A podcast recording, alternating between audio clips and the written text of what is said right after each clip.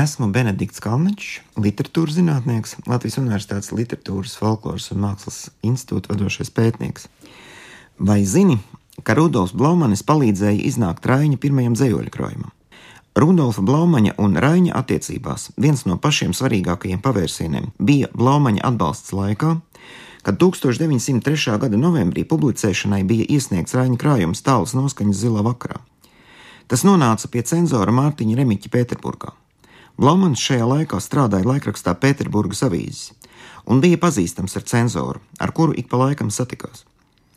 Rainis bija visai satraukts, vai krājuma atļaus. Viņa biedēja arī remiķa vilcināšanās.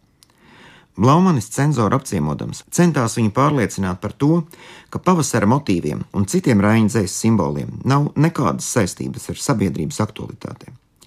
Bieži vien Blaumanis, it kā lai taupītu cenzora redzi, Raņa dzējoļus lasīja viņam priekšā, izmantojams savas veiklā lasītāju dāvanas un akcentēdams tieši Raņa dzējas melodiskumu.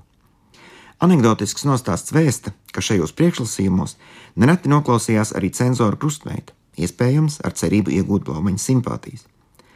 Varbūt viņai bija zināma loma, lai cenzors Raņa krājumu apstiprinātu izdošanai ar pavisam nelieliem svītrojumiem.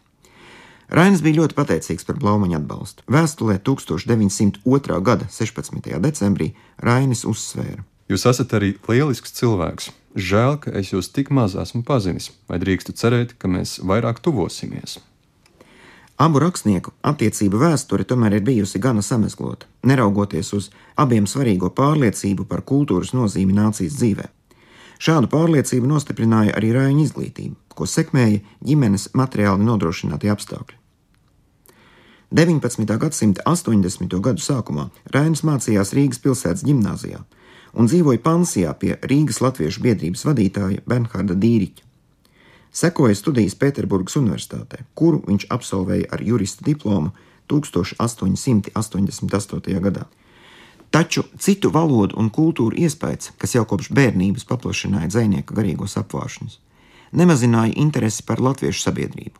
Jau gimnāzijas gados Rainis līdzdarbojās skolēnu pulciņā, kas bija saistīts ar Rīgas Latviešu biedrību, un kura mērķis bija satikties un diskutēt latviešu valodā.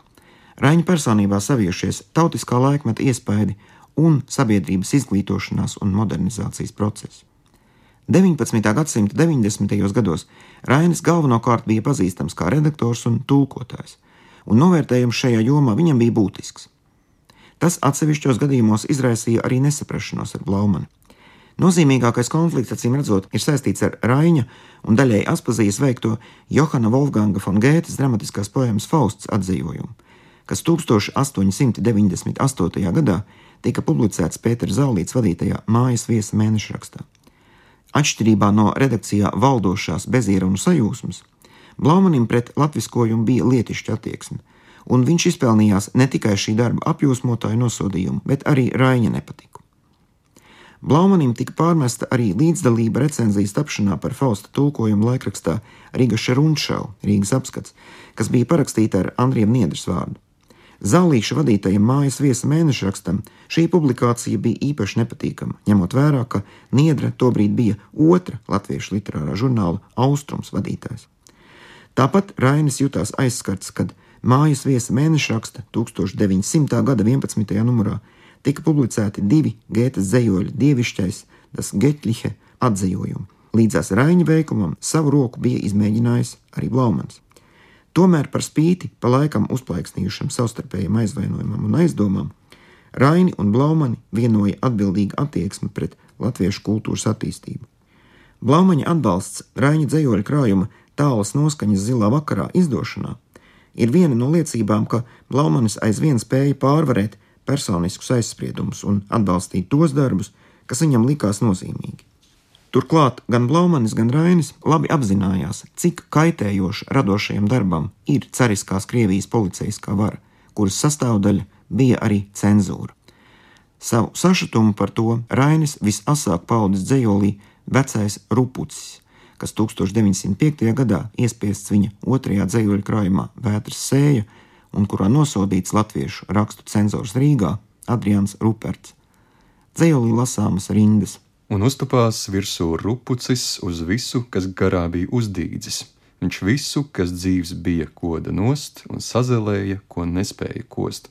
Cik tāli tas ķetnām aizsniedza, ap viņu apkārt viss nonīka.